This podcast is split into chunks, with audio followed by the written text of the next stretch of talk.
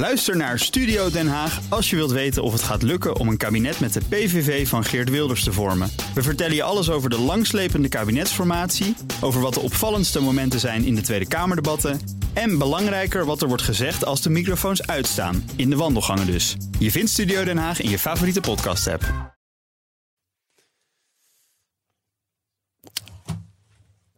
Iedere week kijk ik naar mislukkingen en wat we daarvan kunnen leren. En dat doe ik samen met Paul Iske, de CFO, de Chief Failure Officer van het Instituut voor Briljante Mislukkingen. En ook deeltijd hoogleraar aan de Universiteit van Maastricht. Paul, het is voor het laatst in 2020. Dus ik neem aan dat jij een joekel van een mislukking hebt bewaard. Dag Thomas. Uh, ja, het is een, uh, een treurig verhaal uh, van een, ja, een blad dat mij na het hart ligt. Dus ik ga het vandaag hebben over het feit dat de Correspondent, de Engelstalige uitbreiding van de Correspondent, hè, het platform voor journalistiek.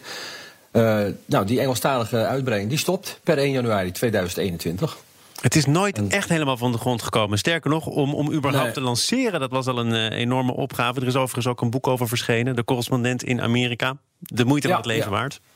Ja, nee, is een heel interessant verhaal. Uh, het is een beetje twee jaar geleden begonnen ze met dat idee. Uh, hoofdredacteur Rob Wijnberg en de uitgever Ant-Jan Fout. Met een grote Amerikaanse campagne om het allemaal te pluggen. is ook een crowdfunding campagne aan verbonden geweest. daar haalden ze 2,7 miljoen dollar mee op. Dus dat was echt allemaal nou, veelbelovend. Hè? En, en die website. kost ook wel wat, geloof ik, hè, die campagne. Dat moet je er dan wel netto een beetje aftrekken. Ja, ja, ja die campagne die was. Uh, alleen de campagne zelf al kostte iets van 1,8 miljoen dollar. Ja. En uh, er was ook een tv-show uh, waarin werd verteld dat de Nederlandse het Amerikaanse nieuws wel even gingen veranderen. en uiteindelijk startte die dan ook op 1 september 2019. En er was afgesproken dat ze een jaar later zouden kijken of het nou echt ook levensvatbaar was. Nou, dat was dus niet zo want uh, ja, volgens Wijnberg zelf ook uh, stopte correspondent om uh, financiële redenen. en men zag de afgelopen maanden een flinke toename in het aantal opzeggingen. waarvan gezegd werd dat kwam met name door financiële onzekerheid als gevolg van de coronapandemie. nou, dat is ook een interessant model hoor, want de leden mochten zelf bepalen wat ze zouden betalen hiervoor. En daarnaast was het ook zo dat uh, uh, mensen uh, moesten zelf weer verlengen. Hè. Het abonnement werd niet vanzelf verlengd. Het was ja, wel heel bijzonder. Want je ziet dat heel, heel veel bedrijven die werken met een abonnementsmodel... tamelijk robuust door deze ja. crisis heen komen. En dan is de vraag natuurlijk ja. wat gebeurt er als dat abonnement wel verlengd moet worden. Maar bij de correspondent waren de gevolgen dus meteen voelbaar. Ja, dat was wel heel vriendelijk bedoeld. Het is alleen maar sympathiek. Alleen uh, het bleek wel dus dat uh, van de 56.000 abonnees die in het begin verbonden waren, er nog maar 21.000 overbleven. dus dat was echt, ja, dat was echt teleurstellend. Uh, overigens was in het begin natuurlijk allemaal gedoe ook, hè, omdat men in eerste instantie dacht dat het echt een Amerikaans bedrijf zou worden, maar het was gewoon vanuit Nederland gerund en er waren wel wat ontevredenheden. En, nou, het is allemaal een beetje gedoe geweest.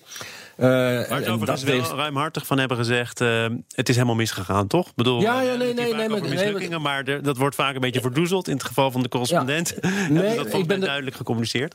Ja, ja dus, dus ik, ik ben ook een groot fan sowieso voor de correspondent en, uh, van de correspondent. Maar hier hebben ze ook netjes boetekleed aangetrokken. Trouwens, in Nederland gaat het heel goed. Hè? Om, zeker ook doordat ze natuurlijk ook die boeken uitgeven. Met name dan ook natuurlijk die, die knallen van Rutger Brechtmans. De, meeste mensen deugen.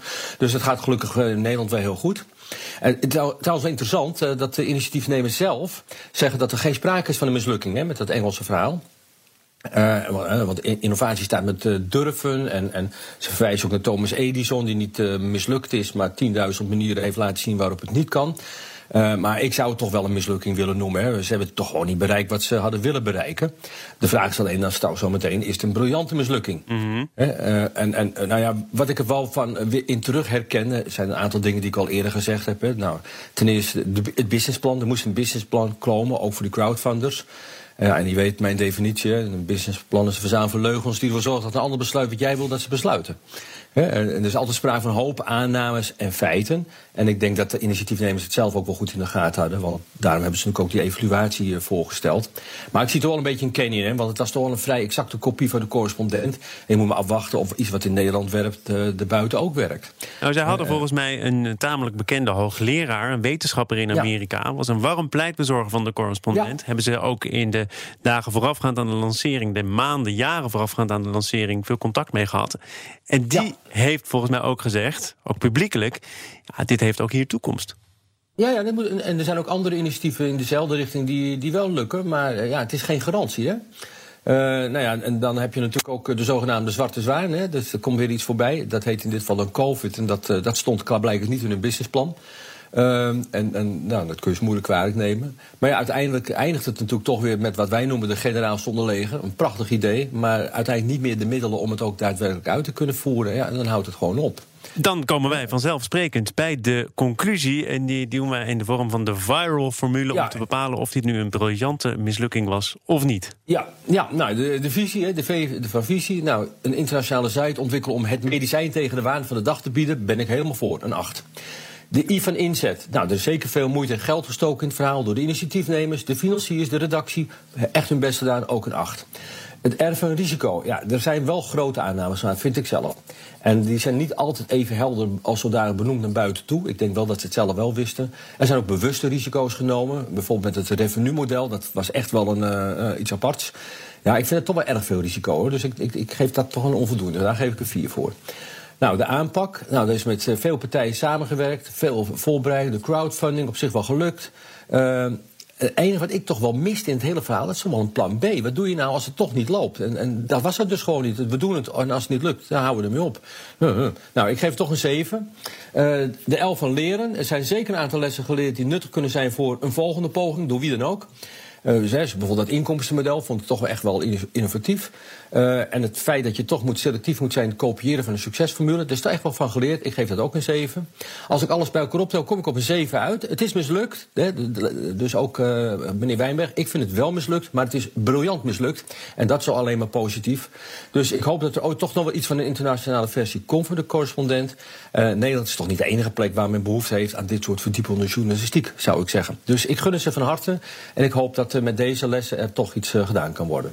Jij gaat nog heel veel meer zeggen in dit programma. Uh, maar vanaf volgend jaar niet meer één keer in de week, maar één keer in de maand. Maar dan wel wat langer. Te beginnen op 4 januari. En dat zeg ik tegen Paul Iske, de Chief Failure Officer van het Instituut voor Briljante Mislukkingen. En ook hoogleraar aan de Universiteit van Maastricht. Dank voor nu. Tot volgend jaar.